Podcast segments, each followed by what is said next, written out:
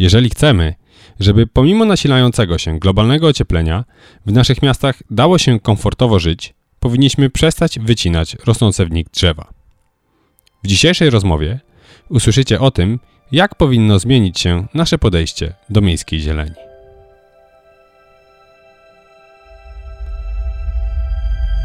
Zrównoważony rozwój to podcast o tym, jakie zmiany są potrzebne w obszarach gospodarki, energetyki i naszego stylu życia, aby uniknąć ekologicznej katastrofy i stworzyć system, w którym kolejne pokolenia cieszyć się będą dobrobytem, bez pogoni za wzrostem i konsumpcją, z poszanowaniem ograniczonych zasobów dostępnych na naszej planecie. Jeśli interesują Cię tematy walki z ociepleniem klimatu, gospodarki obiegu zamkniętego i zielonej energii, to ten podcast jest dla Ciebie. Zapraszam, Paweł Pudło. W dzisiejszym odcinku gościem podcastu Zrównoważony Rozwój jest Paweł Kisiel z organizacji Photo for Climate. Cześć, witam Cię serdecznie. Witam wszystkich. Warto wspomnieć, że Paweł nie jest pierwszą osobą z Photo for Climate, która pojawia się w tym podcaście. E, w ósmym odcinku podcastu gościem był Adam Błażowski. Rozmawialiśmy wtedy o energii jądrowej i po tamtym odcinku trochę osób do mnie pisało, że była to bardzo interesująca rozmowa, więc myślę, że dziś będzie nie mniej ciekawie. Natomiast e, dziś temat rozmowy mamy nieco inny. Mianowicie będziemy rozmawiać o e, akcji Photo for Climate, która nazywa się e, Moratorium dla drzew. E, czy mógłbyś w kilku zdaniach na sam początek powiedzieć, na czym e, polega e, ta wasza akcja? E, tak, oczywiście. Nasza akcja, raczej, raczej bym to nazwał kampanią, bo, bo, bo tutaj mm, w zasadzie to, co chcemy osiągnąć, to jest jakiś, jakiś cel taki bardziej długo E, falowy. E, natomiast jeżeli chodzi o, o same założenia, no to jest taka troszeczkę nasza odpowiedź na to, co dzieje się w polskich miastach, w polskich wsiach, czyli, czyli na masowe wycinki drzew. Chodzi tutaj o, o drzewa mm, krajobrazu, czy to rolniczego, czy, czy drzewa przydrożne, czy drzewa nad, rosnące na cmentarzach, taką zieleń miejską i, i taką zieleń, y, dotyczy, która rośnie e, w krajobrazie e, rolniczym. No niestety po, po zmianach prawa, jakie e, przygotował i wprowadził w życie minister Szyszko, nastąpiły, nastąpiła masowa wycinka tych drzew, co niestety Y, pogarsza nasze warunki y, adaptacji do, do klimatu, do warunki życia w mieście i, i na wsiach. Okej, okay, i w tą y, kampanię za, za, zaangażowane jest tak naprawdę wiele inicjatyw. U Was na stronie można przeczytać, że tak naprawdę kilkadziesiąt organizacji ekologicznych, przyrodniczych, ruchów miejskich jest włączone w te Wasze działania w ramach tej kampanii. E, I jestem ciekaw, w jaki sposób e, udało Wam się zaaranżować taki sojusz? Czy jakby wszystkie organizacje pisały do Was e, same, czy mm, szukaliście też takich, które chcą dołączyć się do, do, do działań w tym obszarze? Jak powstała taka liczna grupa inicjatyw, który, które działają razem z Wami na, na tym polu? E, to się zadziało troszeczkę e, spontanicznie, bo oczywiście zaczęliśmy prowadzić tę kampanię, po czym okazało się, co, co można było w sumie przewidzieć, że, że w, w kraju jest tak dużo takich małych, lokalnych inicjatyw, które sprzeciwiają się wycinkom drzew, które bardzo chętnie by z nami wspólnie E, wspólnie e, tę kampanię e, tworzyły. My w takim razie zaczęliśmy pisać do, do, do nich i, i okazało się, że bardzo, bardzo, bardzo chętnie tutaj zaczęły z nami współpracować. Stworzyliśmy wtedy taką, taką petycję, którą, którą można, którą każda z tych organizacji mo, mogłaby podpisać i, i po prostu w ramach, w ramach właśnie tej takiej petycji e, organizacje udzielały nam tutaj e, poparcia, e, a następnie już potem wspólnie próbujemy wspierać się w różnych działaniach lokalnych. Także, także tak, to, mm, tak to się rozpoczęło. I, i, I powstała taka koalicja. Generalnie każdy może tutaj dołączyć, ktoś, kto, kto chce E, nas wesprzeć, czy my staramy się pomóc, jeżeli on ma u siebie jakieś problemy związane właśnie z chęcią, czy to przez władzę, czy to przez jakichś prywatnych inwestorów, wycinki drzew, która nie jest uzasadniona. No, trzeba przyznać, że w temacie ochrony drzew ostatnio no, relatywnie dużo się dzieje, bo zapanowała przynajmniej w pewnych kręgach taka e, powszechna, mm, nie wiem, czy można to tak określić, niechęć do e, wycinek, niechęć do betonozy i e, wycinanie drzew zaczyna coraz częściej nas, mam tu na myśli w ogóle mieszkańców Polski, oburzać. I są co jakiś czas udane akcje, jak na przykład niedawna obrona kilkuset drzew na terenie Lasu Kabaskiego w Warszawie, co do których planowana była wycinka. Ale cały czas pojawiały się kontrowersyjne pomysły y, w stylu na przykład y, również z Warszawy y, przypadek w Alei Waszyngtona przy okazji remontu torowiska pro, zaproponowane rozwiązanie planuje wycięcie całego szeregu drzew, który znajduje się przy tej przy tej alei, albo planowana wycinka e, dębów w Parku Południowym we Wrocławiu, o której informowaliście za pośrednictwem medi mediów społecznościowych.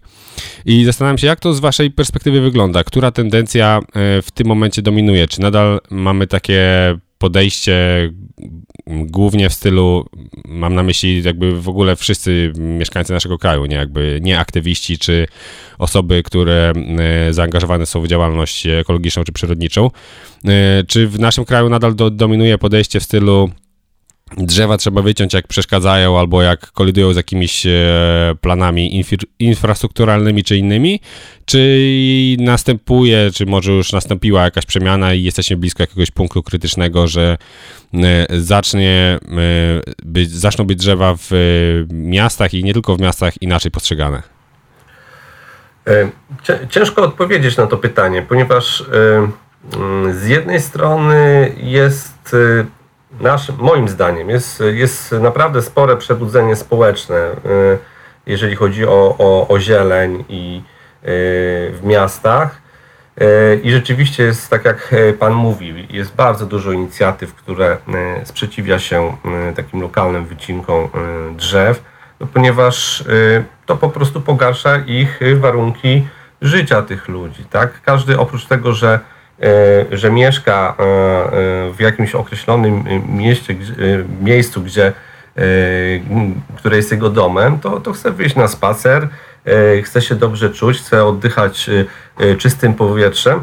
To wszystko zapewnia nam zieleń i, i dlatego, dlatego tych inicjatyw jest coraz więcej. I rzeczywiście jest taka tendencja, moim zdaniem, wśród społeczności lokalnych, która, która tutaj prowadzi, która chce wprowadzić zmiany.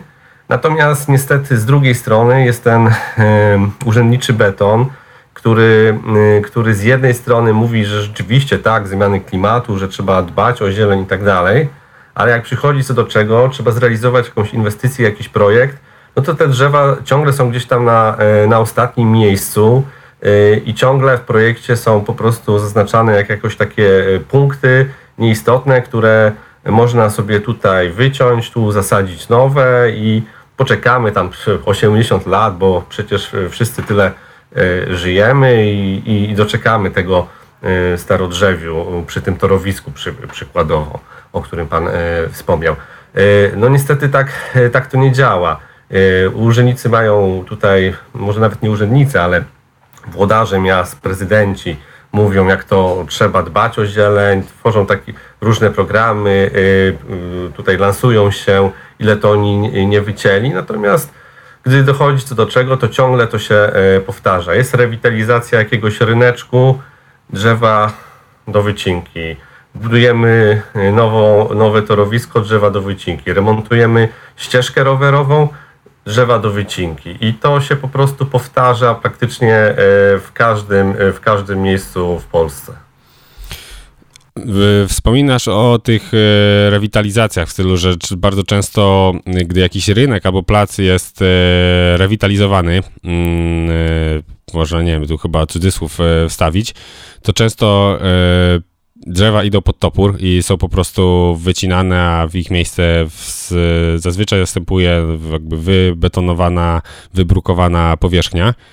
I zastanawiam się, czy Unia Europejska nie powinna być bardziej rygorystyczna dla finansowania ze swoich środków e, takich e, projektów rewitalizacji, bo często jest tak, że mm, tego typu działania są finansowane ze środków Unii Europejskiej, a y, Unia trzeba przyznać, że w, w porównaniu na, na, pewno z naszym krajem ma dużo bardziej ambitne cele e, klimatyczne i, i ochrony przyrody. I czy mm, nie powinno być tutaj obostrzone jakimiś e, bardziej wymagającymi wytycznymi tego typu działania, mm, aby nie można było rewitalizując y, z pieniędzy Unii Europejskiej jakiś plac, jakiś rynek, czy jakąkolwiek przestrzeń gdzieś w naszych y, miastach, miejscowościach, w których mieszkamy, aby nie było dozwolone wycięcie drzew tam, gdzie to jest totalnie niezasadne i tak naprawdę zmniejszy w długiej, dłuższej perspektywie jakość y, przebywania w danym miejscu, w danym mieście czy, czy miejscowości. Teoretycznie, teoretycznie tak. W praktyce to jest bardzo trudne, mm, no ponieważ tutaj, e, gdy zobaczymy skalę tych projektów, no to są naprawdę e, setki, e, setki, setki projektów rocznie i one zazwyczaj nazywają się w taki sposób, takie mają nazwy, które sugerują, że ta przebudowa, ta rewitalizacja poprawi stan środowiska, poprawi stan nawet nie, to, nie tylko stan środowiska, tylko y, poprawi stan jakby funkcjonowania ludzi w tej przestrzeni. I często jest tam cała masa zaplanowanych nasadzeń i tak dalej. I to wszystko ładnie wygląda na, na papierze. E, I, mm, a potem dochodzi do, do realizacji tego i, i zazwyczaj jest tak jak Y, tak jak jest. Jest cała masa wręcz projektów, które y, nazywają się y, zwiększanie bioróżnorodności. My tutaj mieliśmy taki przykład na Dolnym Śląsku w kątach wrocławskich, gdzie, gdzie była mm, rewitalizacja. To jest park staromiejski według, według, według gminy i, i Urzędu Miasta. Natomiast tak naprawdę to był stary las, który wymyślili sobie, że będą rewitalizować w taki sposób, że do tego dzikiego lasu będą, na, będą nasadzać całe, e, całą masę różnych kwiatów, a przy okazji 200 drzew się wytnie i porobi ścieżki.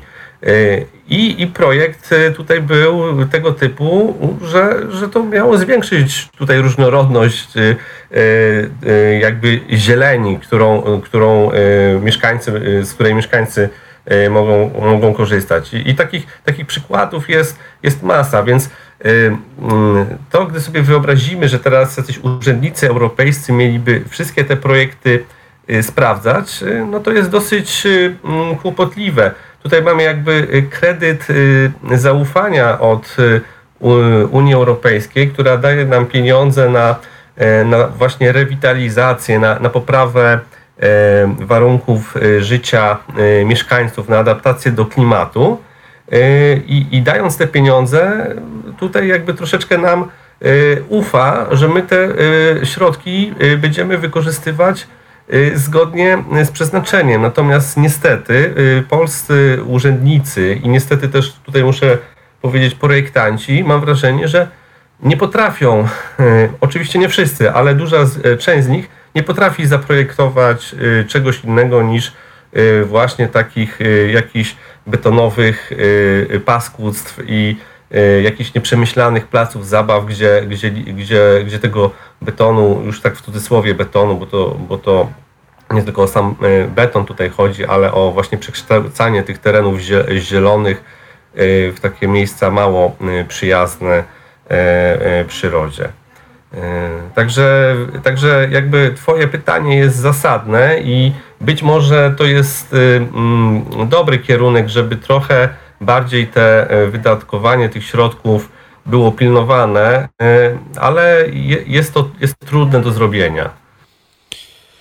No z pewnością y, jestem w stanie sobie to wyobrazić, że mm, y, piszą, pisząc wnioski różne, nie wiem, gminy, urzędy miast, czy ktokolwiek odpowiada za y, dany projekt, jego przygotowanie i realizację, y, wyobrażam sobie, że są w stanie bardzo kreatywnie y, opisać to, co mm, y, zamierzają i Dokładnie. we wniosku przedstawić to tak, że nie będzie do czego się przyczepić. Natomiast wydaje mi się, że z pewnością jakieś audyty mm, byłyby wskazane, no bo jednak jeżeli Unia Europejska przeznacza na jakiś cel kilka lub kilkadziesiąt milionów e, złotych i E, ostatecznie nie skontroluje tego, w jaki sposób te środki zostały e, spożytkowane, co przypuszczam, że w skali całości przeznaczonych środków na dany projekt e, taki audyt no chyba nie byłby jakiś szczególnie drogi, aby zweryfikować, czy faktycznie te cele, które były założone, zostały zrealizowane i czy jest to zgodne z jakimiś szerszymi politykami Unii Europejskiej, więc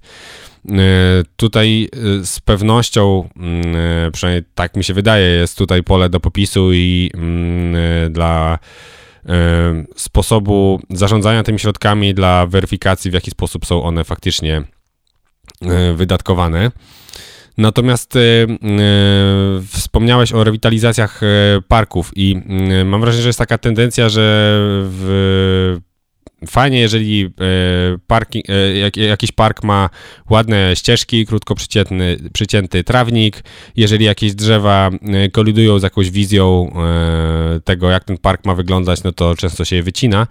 Natomiast czy nie jest tak, że bardziej różnorodne biologicznie parki, które wymagają zapewne nieco mniej pielęgnacji, może też mniej nawadniania, lepiej spełniają swoje funkcję z e, schładzania miast i mm, e, zapewniania, aby komfort życia w tych miastach był e, faktycznie lepszy. No tak, to jest, to jest, to jest oczywiste, ponieważ taki wypielęgnowany park ma mniej krzewów, mniej zwierząt, mniejsze zdolności retencyjne. To tak, to jest oczywiste, że taki trochę bardziej zapuszczony, w cudzysłowie oczywiście zapuszczony park, ma, ma, ma lepsze zdolności adaptacyjne do, do zmian klimatu. Natomiast tutaj trzeba sobie zdać sprawę, że, że wiadomo, że ludzie potrzebują też takich miejsc, które są jakby przestrzenią bardziej użytkową, tak? czyli, czyli w tych parkach jakieś place zabaw, tego typu Y, y, boiska, tego typu rzeczy są jak najbardziej wskazane. Z tym, że to znowu odbywa się u nas troszeczkę w taki sposób, że y, jest jakiś gotowy stuletni park, gdzie, który został zaprojektowany wówczas w określony sposób, są określone osie widokowe, w tym parku zazwyczaj określone e, przedepty, które zostały tutaj zmienione w ścieżki i tak dalej, i tak dalej. I nagle niestety gdzieś w środku tego parku postanawia się, nie wiem, wyciąć tam przykładowo 50 drzew i w samym środku zrobić jakieś place zabaw, niszcząc te osie widokowe, to wszystko, co było wcześniej jakby tutaj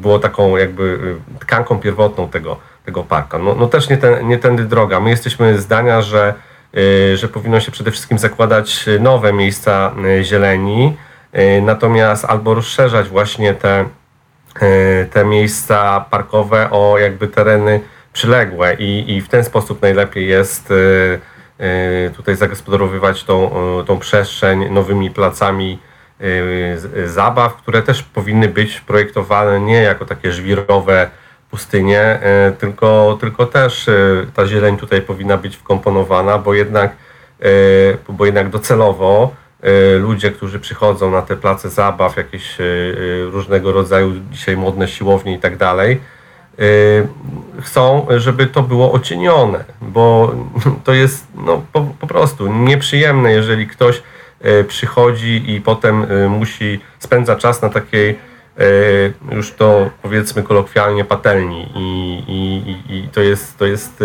no, no niefajne, więc, więc, więc tutaj jak najbardziej ta zieleń właśnie w tych nowych miejscach też powinna być projektowana. A jeżeli chodzi o, o te starsze parki, no to warto tutaj iść w takim kierunku, żeby wydzielać właśnie takie strefy, taką strefę gdzieś gdzie ludzie bardziej spędzają czas, czyli jest jakaś ścieżka rowerowa, jakieś spacerniaki i tak dalej.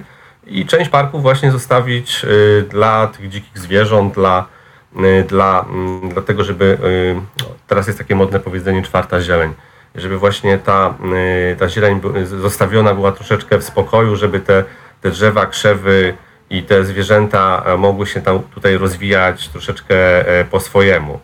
E, także no, to jest moim zdaniem da się to wszystko pogodzić, ale, ale no też tutaj ktoś, kto się tym zajmuje, to projektuje, tym zarządza, musi mm, chcieć i musi mm, wie, wiedzieć, jak połączyć pewne, pewne funkcje tej zieleni. No tak, bo y, trzeba przyznać, że y, jest to y, faktycznie e, wszystkie te cechy, o których wspomniałeś, są niezmiernie istotne. Natomiast jeżeli mowa o takiej zieleni, która nie jest, nie występuje w parkach, ale gdzieś tam w wewnątrz pozostałych części miast, nie wiem, przy ulicach, przy jakichś tam niewielkich skwerach i tak dalej. Czy przez tą naszą nierozsądną politykę nie jest trochę tak, że tak jak wspomnieliśmy, wilgoć, jeżeli występuje, no to często zatrzymuje wilgoć, obniża temperaturę w miastach, sprawia, że jest tam po prostu przyjemniej. Natomiast czy nie wpadamy e, przez e, tą nierozsądną politykę prowadzoną w polskich miastach w taką spiralę, że e, coraz więcej przestrzeni wybruko, wybro, wybrukowujemy, wycinamy drzewa, które się tam znajdowały i w ten sposób nasilamy to zjawisko miejskiej wyspy gorąca i w rezultacie Pewnie coraz więcej drzew będziemy musieli wyciąć, bo jako, że będzie w miastach coraz goręcej, coraz mniej wilgoci, to kolejne drzewa będą usychać i z drzewem, które e, uschło, no tak naprawdę już e, nie jesteśmy w stanie go e, zapewne odratować. Więc pytanie, czy sami sobie takiego sznura wokół szyi nie, nie ukręcamy, że działania teraz potęgują te efekty, które będą e, już dziać się samoistnie i e, w rezultacie wpływać negatywnie na to, jak się mieszka, jak spędza się czas w, w naszych miastach i e, miejscach, w których żyjemy. No, no dokładnie tak jest. Do, do, dokładnie, dokładnie to przebiega w taki sposób, jak, jak Pan tutaj opowiada. Zwiększenie po prostu temperatury w mieście, no powoduje, że warunki stają się dla drzew e, mniej korzystne e, i niestety e, cała masa drzew albo zamiera, albo w ogóle nie chce rosnąć. Jest bardzo duży problem z nowymi nasadzeniami, które po prostu masowo zamierają. Niektóre gatunki drzew nie chcą w ogóle rosnąć obecnie w miastach, gdzie jeszcze 20-30 lat temu było to nie do pomyślenia, żeby ktoś sadząc na przykład brzozę miał problem z mm, tutaj, y, żeby te drzewa rosły. Ja, ja się wychowałem na, na takim perelowskim y, osiedlu, które zostało e, w latach 90., y, wczesnych 90., obsadzone brzozami i nikt za bardzo o te drzewa tam nie dbał i to, to wszystko urosło. Dzisiaj stanowi na tym osiedlu um, piękny, piękną, piękną zieleń. Natomiast na przykład dzisiaj próba posadzenia w mieście brzus, no to to jest jakaś droga e, przez mękę. Trzeba je ciągle podlewać, dbać i tak nie wiadomo, czy, e, czy się e, udaje tutaj wyhodować. A wydawałoby się, że to jest takie drzewo, gdzie, które rośnie wszędzie. I takich gatunków drzew jest coraz więcej. Niestety, wiele z nich choruje, pojawiają się jakieś pasożyty, jakieś choroby grzybicze. E, no i też niestety wtedy te drzewa zamierają, stają się rzeczywiście e, w tej sytuacji e, bardziej niebezpieczne, ponieważ no jednak tutaj liczba ludzi, która krąży wokół tych drzew, powiedzmy tak, przemierza jakieś ścieżki, chodniki i tak dalej, jest duża, więc rzeczywiście może się tutaj to, to działać na, na niekorzyść drzew i na niekorzyść bezpieczeństwa mieszkańców. I, I, w zasadzie mm, mm, no tutaj niektórzy projektanci i, i, urzędnicy radzą sobie z tym, żeby wprowadzać e, e, do tych miast naszych trochę bardziej południowe gatunki, które są bardziej odporne na, na zmiany klimatu, na przykład platany czy, czy, czy robinie akacjowe, tak? Są to gatunki bardziej południowe, które, które wytrzymują wyższe temperatury. No ale to troszeczkę nie, nie tędy chyba droga. E, no, ale no, pro, problem, problem jest y, y, bardzo, bardzo duży tutaj i, i, i, i jest dokładnie tak, tak jak mówisz, że zabetynowywanie kolejnych tych miejsc, brukowanie ich, no to wszystko niestety podczas pogody słonecznej się nagrzewa, potem oddaje ciepło, w szczególności wieczorem i, i nocą i ta temperatura miasta jest jeszcze wyższa. Kolejnym takim problemem jest przynajmniej we Wrocławiu, w którym ja mieszkam, to, że w zasadzie e, takie projektowane korytarze napowietrzające miasto, jeszcze zaprojektowane przez Niemców, zostały w zasadzie wszystkie przeznaczone na e, rozwój e, deweloperki. No i to też powoduje, że ta miejska wyspa ciepła jest większa, ponieważ nie ma tutaj od południa Wrocławia, gdzie, gdzie te wiatry, wiatry wieją i i Niemcy zaprojektowali takie naturalne korytarze e, przewietrzające. Nie ma możliwości, teraz stoją tam wszędzie e, bloki, żeby te powietrze swobodnie e, sobie jakoś krążyło. Czyli znowu my się swoim, swoją działalnością dokładamy do, do zwiększania tej temperatury w miastach. Pomijając to, że to wpływa na komfort życia, no to też są oczywiście dane twarde, tutaj naukowe, które pokazują, o ile w takich temperaturach zwiększa się liczba udarów wśród, wśród starszych ludzi, zawałów i tak dalej. Także, także to ma bezpośredni, y, bezpośredni wpływ po prostu na nasze zdrowie i naszą jakość życia. No tak, bo trzeba przyznać, że mm, jeżeli wytniemy jakieś drzewo, to nawet jeżeli na miejsce jego zasadzimy nowe, albo nawet kilka nowych drzew, to tak naprawdę yy, przez nawet jeszcze wiele dekad to nowe drzewo nie zrównoważy mm, wpływu tego mm, pozytywnego, tego starego drzewa wyrośniętego kilkudziesięcioletniego, które raz, że wychwytuje dużo więcej dwutlenku węgla z atmosfery, dwa, że ma dużo większy wpływ na to, aby po prostu gromadzić wilgoć i sprawiać, że dookoła jest chłodniej i przyjemniej. Natomiast wydaje mi się, że pomimo, że tych plusów, tego, że drzew jest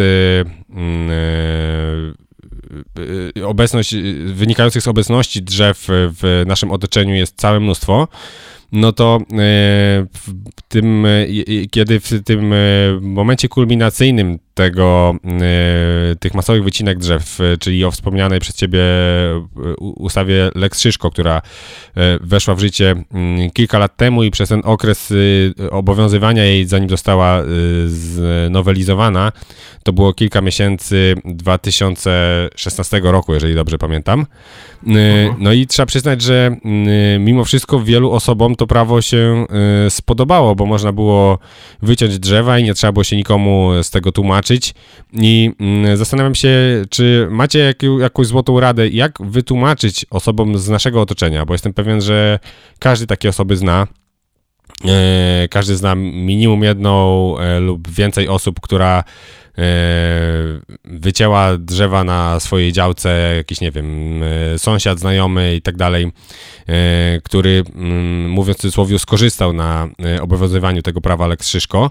I jak wytłumaczyć takim osobom, dlaczego powinniśmy chronić wszystkie drzewa i to jest korzystne dla nas, jeżeli nie można tak po prostu drzewa sobie usunąć, nawet jeżeli działka, na której ono rośnie, należy do nas? No to jest mm, to jest trudne e, pytanie.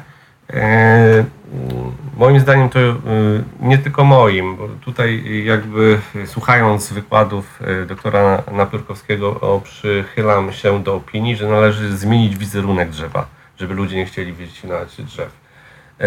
Ponieważ drzewo tak jak się wejdzie gdzieś na Facebooka czy, czy, czy generalnie sposób też taki my, chociażby dzisiaj o, o drzewie, o drzewach rozmawiamy, no to e, są skojarzenia tego typu, mm, że drzewo się wycina, zieleń się niszczy, drzewo zagraża i tak dalej, i tak dalej. To są, to są cały czas skojarzenia negatywne, mm, które po prostu powodują, że w takim ogólnym odczuciu drzewo jest czymś takim niefajnym, już tak może powiedzmy w cudzysłowie. E, natomiast jeszcze całkiem niedawno w, w, w, było jakby kojarzone, gdy popatrzymy na, naszą literaturę czy, czy, czy przeszłość, no to z drzewami e, no jest cała masa, masa jakby tutaj, e, tutaj takich rzeczy związanych pozytywnych. Pod drzewami się ludzie spotykali, pod drzewami Y, spędzili y, czas, y, pod drzewami się kochali i tak dalej, i tak dalej. I my musimy zmienić wizerunek tego drzewa. Po pierwsze jako coś, co jest takie nasze, a po drugie pokazywać korzyści, które z posiadania, może posiadania to nie jest dobre słowo, ale z istnienia drzew w naszej przestrzeni wynikają. Tak? To są relatywne korzyści ekosystemowe, ponieważ drzewo obniża tak, temperaturę e, w mieście, e, reguluje wilgotność, e, w lecie poprzez swoje aparaty szparkowe w liściach też oczyszcza powietrze i tak dalej, i tak dalej. Czyli to są określone, określone wymierne korzyści, o których nikt po prostu nie pamięta. One są oczywiście też policzalne, bo my na niektóre y, rzeczy, jak na przykład na poprawę jakości powietrza, wydajemy ogromne y, pieniądze. Y, no, skutek, skutek może powiem tak, że skutek tutaj walki ze smogiem w Polsce jest różny, no ale, ale jednak ten smog letni, czyli ten spalinowy, drzewa w, zna, w znacznym stopniu ograniczają. E, więc, więc to ma jakieś tam e, e, wymierne, ekonomiczne korzyści, o których nikt nie mówi, nikt tego nie liczy. Natomiast z chęcią wydajemy pieniądze na przykład na czy to na oczyszczacze powietrza, czy na walkę ze smogiem poprzez wymianę piecy i tak dalej, i tak dalej.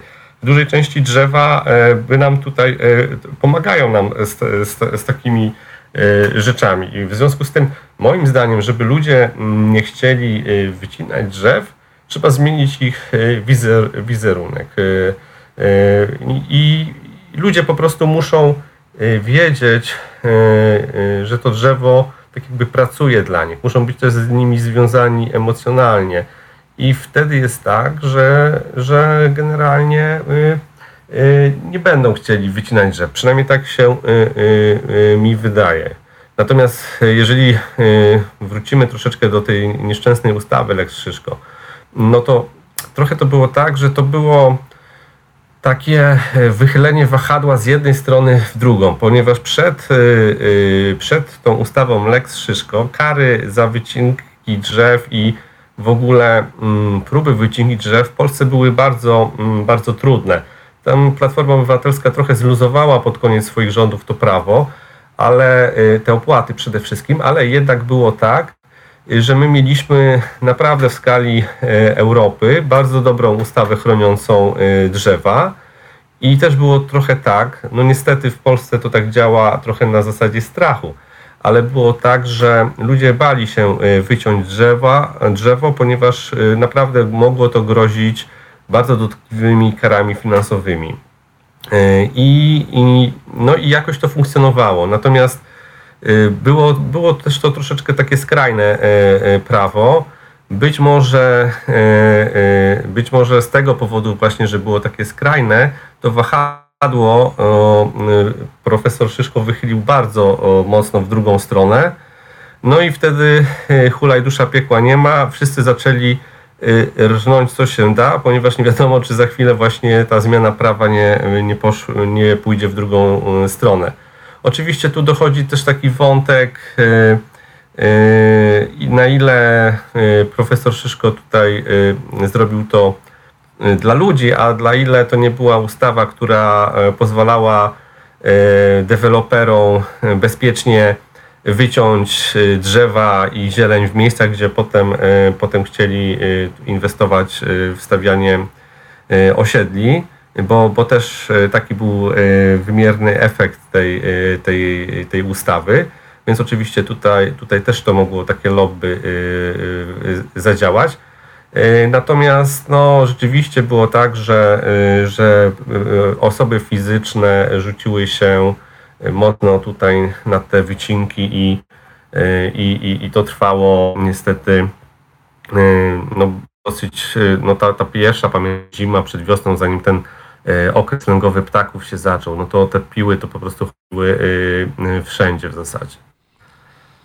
No z pewnością istotne jest, żeby tutaj jakaś była proporcja i żeby nie było wyraźnie łatwiej wyciąć drzew komuś, kto jest większym podmiotem, kto na przykład, nie wiem, ma mm, lepsze, nie wiem, wpływy, czy nazwijmy to znajomości w, w urzędzie, czy, czy w danej gminie i dzięki temu jest mu łatwiej po prostu pozyskać zgodę na wycięcie drzew, a ktoś, kto po prostu na własnej działce z jakiegoś powodu chce jedno drzewo wyciąć, musi się borykać z większymi e, trudnościami. Na pewno nie powinno być takiej dysproporcji i powinniśmy dążyć do tego, żeby to e, przepisy, które na to pozwalają e, lub tego zabraniają, były możliwie przejrzyste i sprawiedliwe e, dla wszystkich i żeby nie było tak, że zależności od tego, jaką kto ma w cudzysłowie siłę przebicia, jest mu łatwiej pozbyć się drzew i nie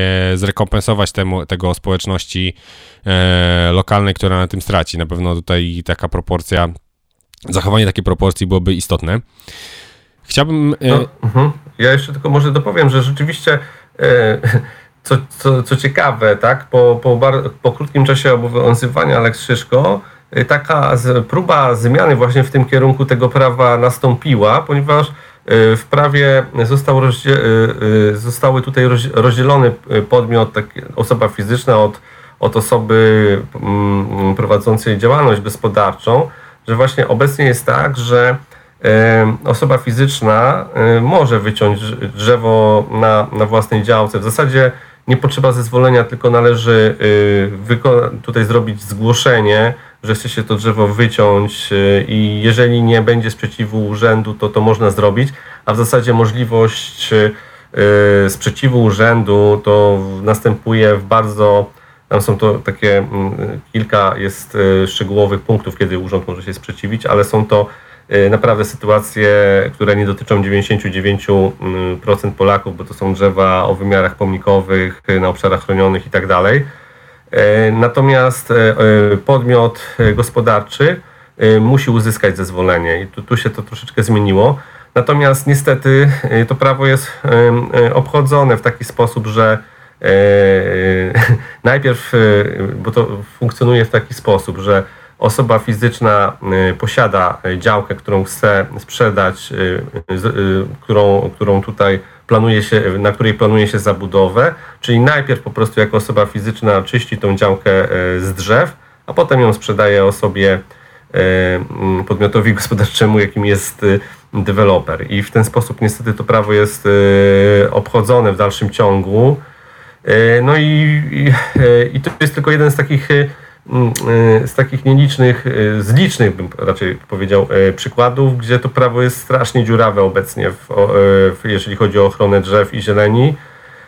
No, my potrzebujemy radykalnej zmiany prawa, ale nie w kierunku takim, jak, jaka była wcześniej przed rządami PiSu, gdzie z wysokimi karami i tak dalej, ale jest kilka takich przepisów, które naprawdę bardzo, które tutaj można zmienić i które nie uderzałyby Y, w osoby fizyczne, a, a znacznie by ograniczyły y, wycinki drzew. No tak, z pewnością jakby mm, y, prawo tutaj powinno jasno precyzować, kiedy to jest możliwe i jaka rekompensata powinna być dokonana przez osobę, która, czy tam podmiot, która decyduje się na wycinki, bo mam wrażenie, że nadal to prawo cały czas jest zbyt elastyczne. Natomiast chciałbym jeszcze przez y, y, chwilę poruszyć inny wątek. Chciałbym zapytać Cię, czy, mm, bo w, w ramach e, kampanii Moratorium dla Drzew y, zbieracie propozycje zmian w prawie od zaangażowanych w, to, w te działania organizacji. I czy pojawiają się też tam jakieś propozycje zmian obejmujących politykę leśną prowadzącą przez lasy państwowe? Czy takie propozycje też są podnoszone, czy raczej skupiacie się na tej e, zieleni mm, e, miejskiej, że tak to ujmę? E, e, generalnie my skupiamy się na zieleni miejskiej w tej kampanii, dlatego że mm, naszym zdaniem to tych dwóch tematów nie da się połączyć.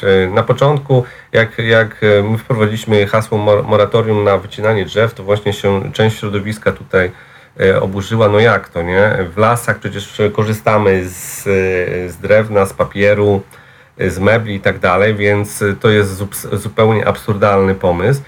E, no i, i tutaj rzeczywiście jest tak, że naszym zdaniem nie można tego łączyć, co nie znaczy, że polityka lasów państwowych względem, e, względem tak naprawdę naszego dobra, bo lasy są nie własnością lasów państwowych, tylko są naszą własnością, a lasy są tylko e, zarządzającym tym te, terenem, e, też powinna ulec e, zmianie. I tutaj jest kilka stowarzyszeń, które naprawdę robi bardzo fajną, wykonuje bardzo fajną pracę na rzecz zmian, jeżeli chodzi o, o zasady tutaj gospodarki w lasach e, też idą bardzo, e, bardzo może, może nie, można nie powiedzieć, że może niedobre, ale Unia Europejska przygotowywa, przygotowała strategię o ochronie bioróżnorodności, którą wszystkie kraje będą musiały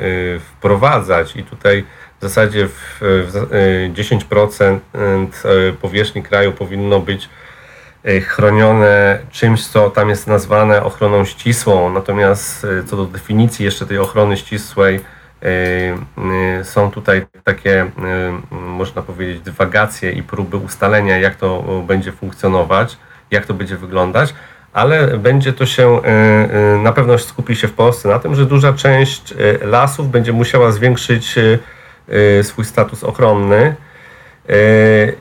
No i też nawet, nawet e, obecnie rządzący widzą, e, widzą problem właśnie wycinek, w szczególności w lasach takich podmiejskich, z których korzystają, skorzystają ludzie jako tereny spacerowe.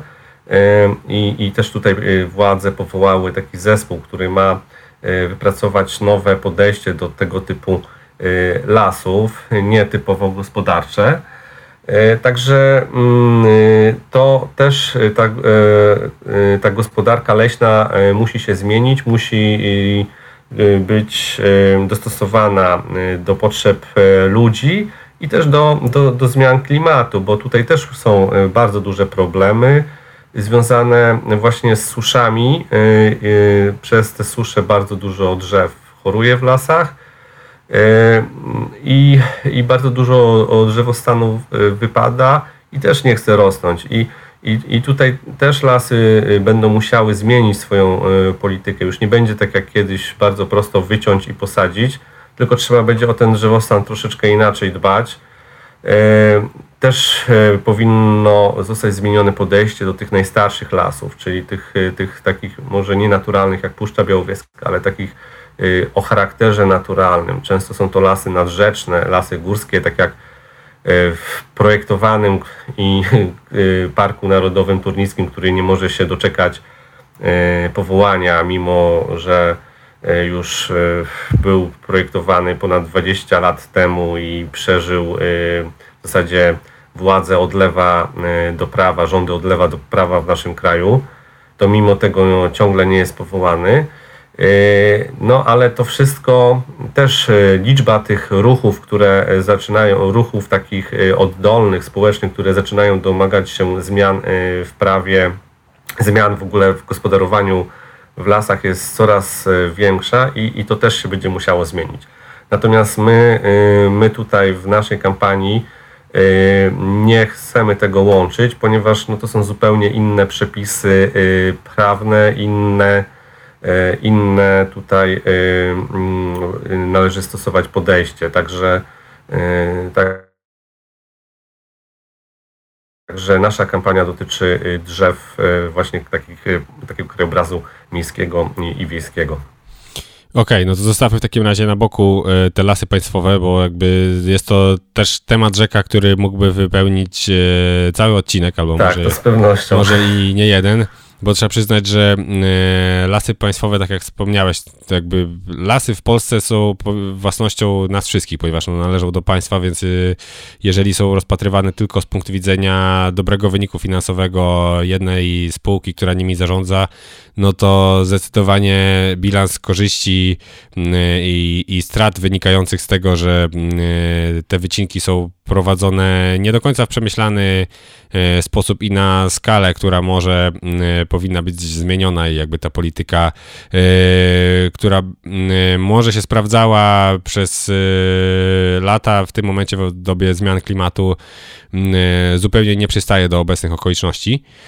Natomiast jeszcze rozmawiając o drzewach i o lasach i o wycinkach, chciałbym zapytać o jeszcze jedno działanie z waszej strony. E, też trochę jakby na marginesie tego głównego tematu, o którym e, rozmawiamy, czyli mm, e, podejście Unii Europejskiej do drzew jako energii odnawialnej.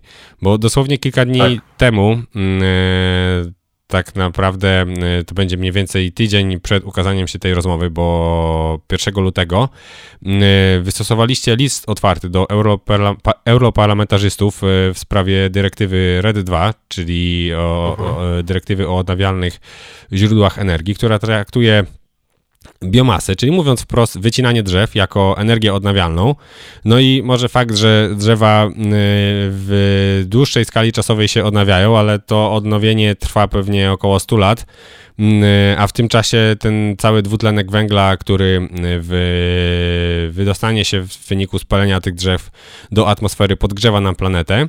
I w tej sytuacji każdy ułamek stopnia zatrzymanego ocieplenia, niezależnie od tego, w jaki sposób to uzyskamy, czy to będzie w ramach reform e, w obszarze energetyki, czy to będzie w ramach e, ocalenia mm, e, dodatkowych hektarów lasów, jakby każdy ułamek stopnia zatrzymanego ocieplenia jest na wagę złota. No i czy mógłbyś e, powiedzieć e, parę słów o, o tym działaniu i czy coś planujecie e, dalsze jakieś akcje, działania, aby wywrzeć presję na europarlamentarzystów, aby ta, tą dyrektywę zmienić, aby uniemożliwić tego typu działania?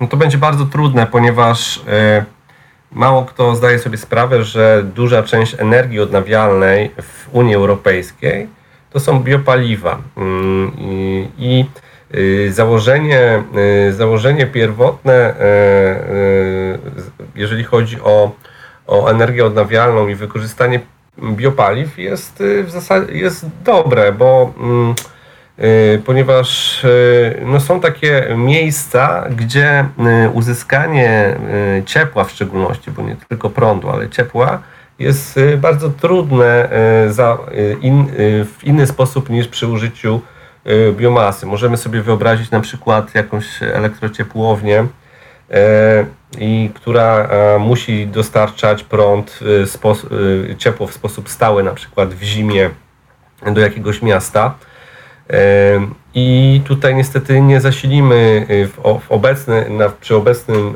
y, stopniu rozwoju technologii, nie jesteśmy w stanie tego ciepła dać w inny sposób y, do dużego miasta niż sposób na przykład paliw kopalnych. Dlatego też w Unii Europejskiej część państw posiada elektrociepłownie czy same ciepłownie na, na biomasę i i, i, I tutaj poszli z przestawienia chociażby z gazu ziemnego na, na, na biomasę tych, tych, tych y, instalacji.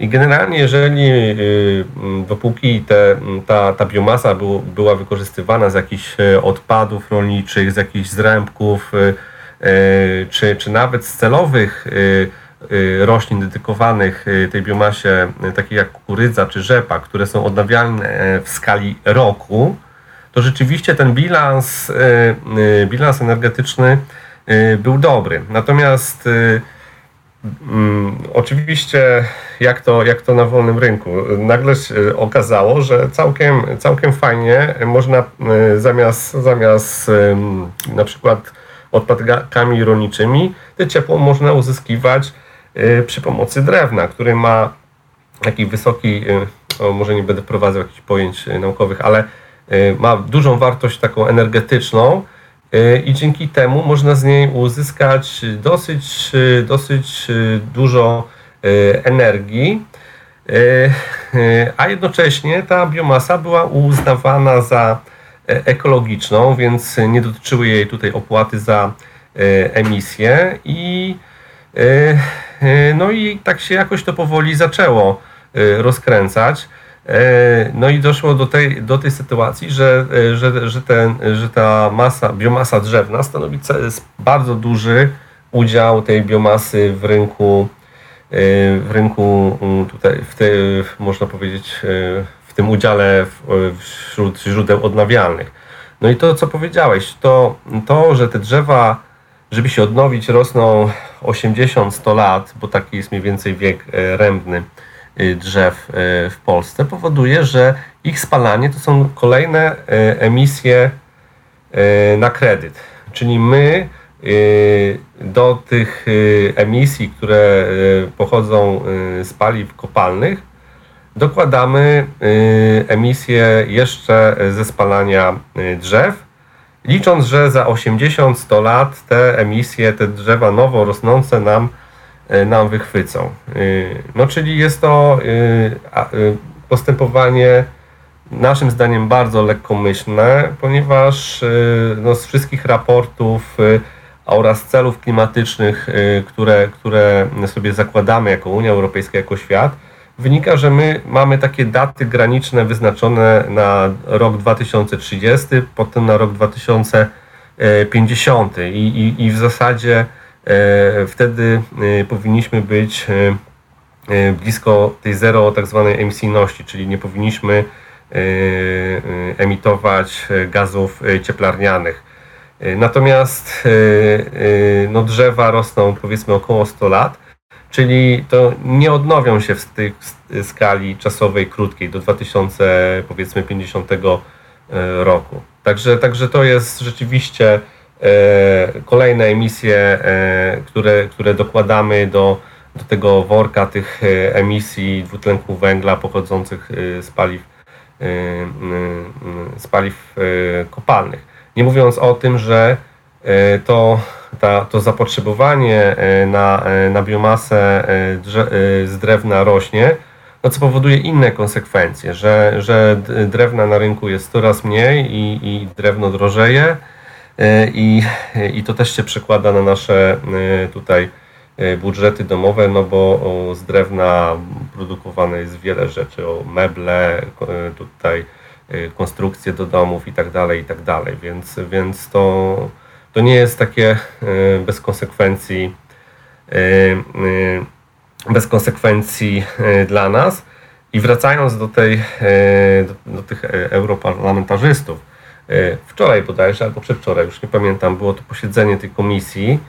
No i tam oczywiście znowu następuje ten dysonans, że bardzo dużo uwag e, e, od, od organizacji zajmujących się czy to ochroną przyrody, czy klimatu, czy też świadomych obywateli, które wpłynęło, które pokazują, że, że ludzie już widzą ten problem i nie chcą ten, E, e, tego, żeby ta, ta mm, biomasa drzewna była uznawana za energię odnawialną.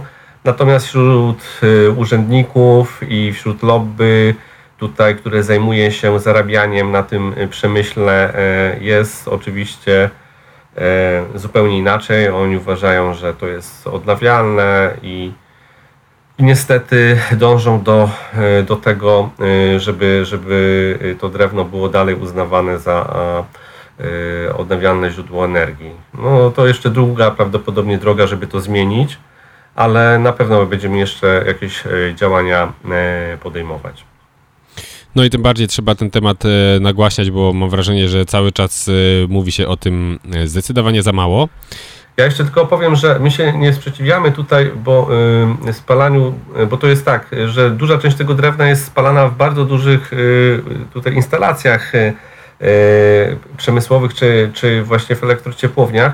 Natomiast no, to nie jest tak, są miejsca, gdzie my z tego drewna korzystać musimy. Na przykład część jakichś ludzi w domach, w wioskach, gdzie nie ma dostępu do w zasadzie e, e, in, innego sposobu ogrzania e, domu, bo, bo gaz nie jest rozwiązaniem raz ze względu na ceny, gaz ziemny tutaj mówię, ze względu na ceny tej energii, a dwa, że jest dalej źródłem emisji dwutlenku węgla.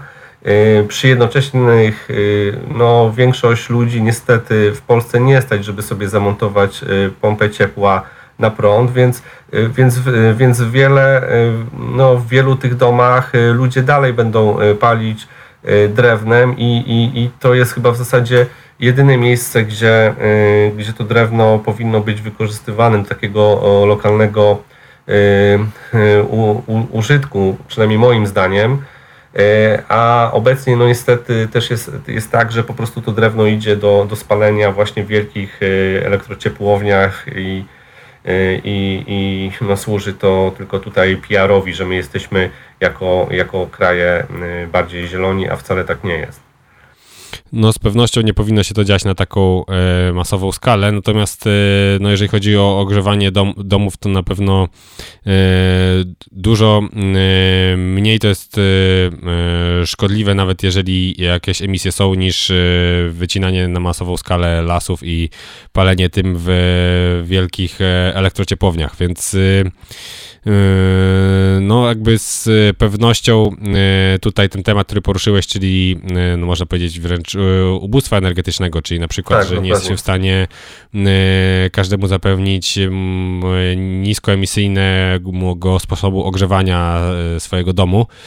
To jest też na pewno temat na dłuższą rozmowę i na omówienie, w jaki sposób ta polityka państwowa mogłaby wspierać takie rozwiązania, aby każdy był w stanie e, pompę ciepła w swoim w domu e, zainstalować, e, zwłaszcza jeżeli ma możliwość, dajmy na to, zainstalowania również paneli fotowoltaicznych, no to wtedy ta, to zużycie prądu już w ogóle się równoważy z tym wyprodukowanym w, we własnych panelach, jeżeli ta instalacja ma odpowiedni rozmiar. Natomiast tak jeszcze wracając do głównego tematu naszej rozmowy, na sam koniec chciałbym zapytać Cię, E, jeżeli ktoś z naszych słuchaczy zainteresowała go ta, go ta akcja Moratorium dla Drzew, to w jaki sposób mógłby się, nie wiem, albo w nią włączyć, albo ją wesprzeć? E, co, co powinniśmy zasugerować e, naszym słuchaczom? Generalnie jest tak, że my zbieramy cały czas podpisy pod petycją. Y, żądającą od, y, od y, władz mm, zmiany przepisów prawa, więc zachęcamy ciągle do podpisywania.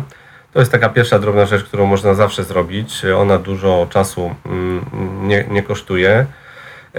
Dwa, zachęcamy po prostu tak naprawdę do, do organizowania się u siebie na, w, w lokalnej przestrzeni, bo to jest, to jest najważniejsze.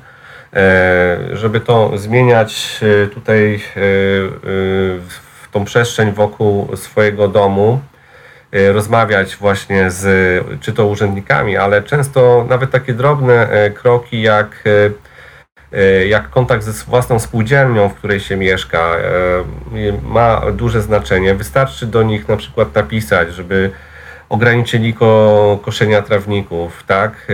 Bo, bo uważamy, że że to jest niepotrzebne, te 5-10 razy golenie często, y, często tych trawników, czy, czy jakieś interwencje y, przy wycinkach drzew u siebie, u siebie w, w, w okolicy. No to, to funkcjonuje w taki sposób, że y, spółdzielnia na przykład kosi i pielęgnuje i wycina wszystko, bo zawsze się znajdzie w takiej spółdzielni kil, kilka osób, które, które uważają, że tak należy Y, robić i często też ci urzędnicy y, nie, nie mają takiej przeciwwagi. Oni to robią, bo, bo jedyny sygnał, jaki idzie od społeczeństwa jest właśnie taki, że zieleń zagraża, że trzeba ją wypielęgnować i tak dalej. Można napisać, porozmawiać z kimś spółdzielni, że, że fajnie, że nie skosili, że może gdzieś tu posadzić kwiaty, zrobić jakąś rabatkę i tak dalej. To wszystko są działania, które na miejscu powodują, że, że, że my sobie dostosowujemy, adaptujemy tą naszą przestrzeń do, do tych zmian klimatycznych, że wygląda ona e, jakoś ładniej, przyjaźniej, e, e, przyjaźniej nam wszystkim. Także, także ja zachęcam do, do podejmowania takich drobnych, drobnych kroków wokół własnego otoczenia, bo to, bo to raz, że i sprawia e, najwięcej przyjemności, jeżeli coś się uda zrobić, i też wiąże nas z tym terenem, e, i też po prostu poprawia jakość naszego życia. Natomiast takie działania, niestety duże, to są, ja przynajmniej tak mam, dosyć frustrujące, bo my mm, złożyliśmy swego czasu wstępną propozycję zmian prawnych do do ministerstwa jeszcze, jeszcze za poprzedniego ministra, e, czyli, e, czyli pana Kurtyki.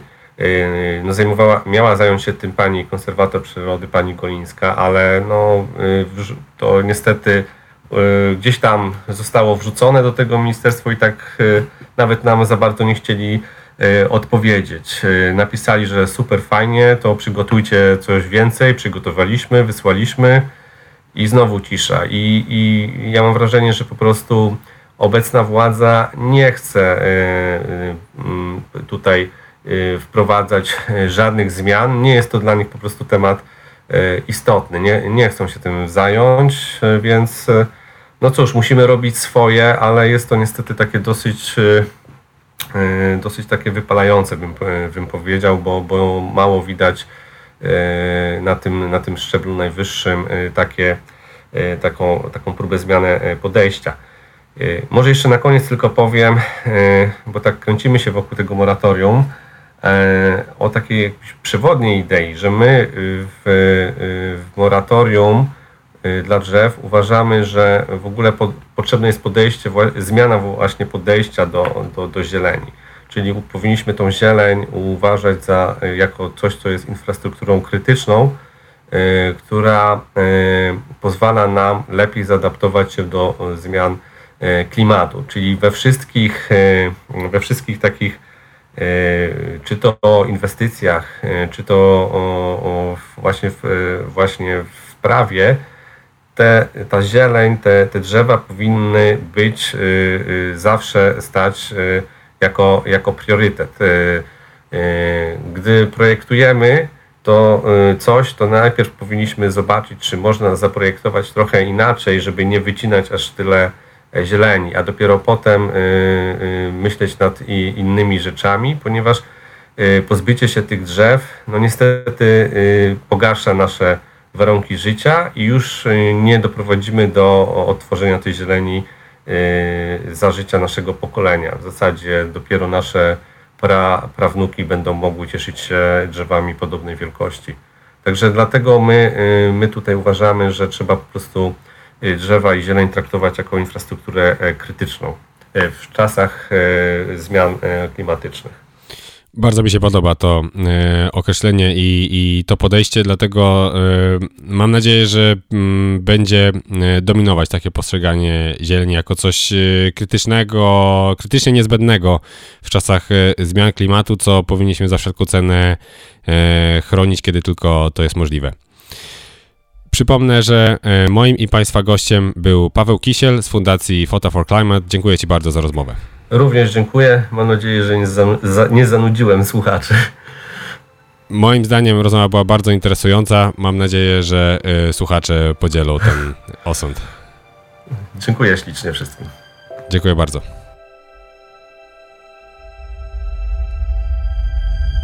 Na dziś to już wszystko. Jeżeli uważasz, że ten odcinek był interesujący, zachęcam do udostępnienia go w mediach społecznościowych. Pomoże mi to dotrzeć z treściami poruszanymi w tym podcaście do szerszego grona odbiorców.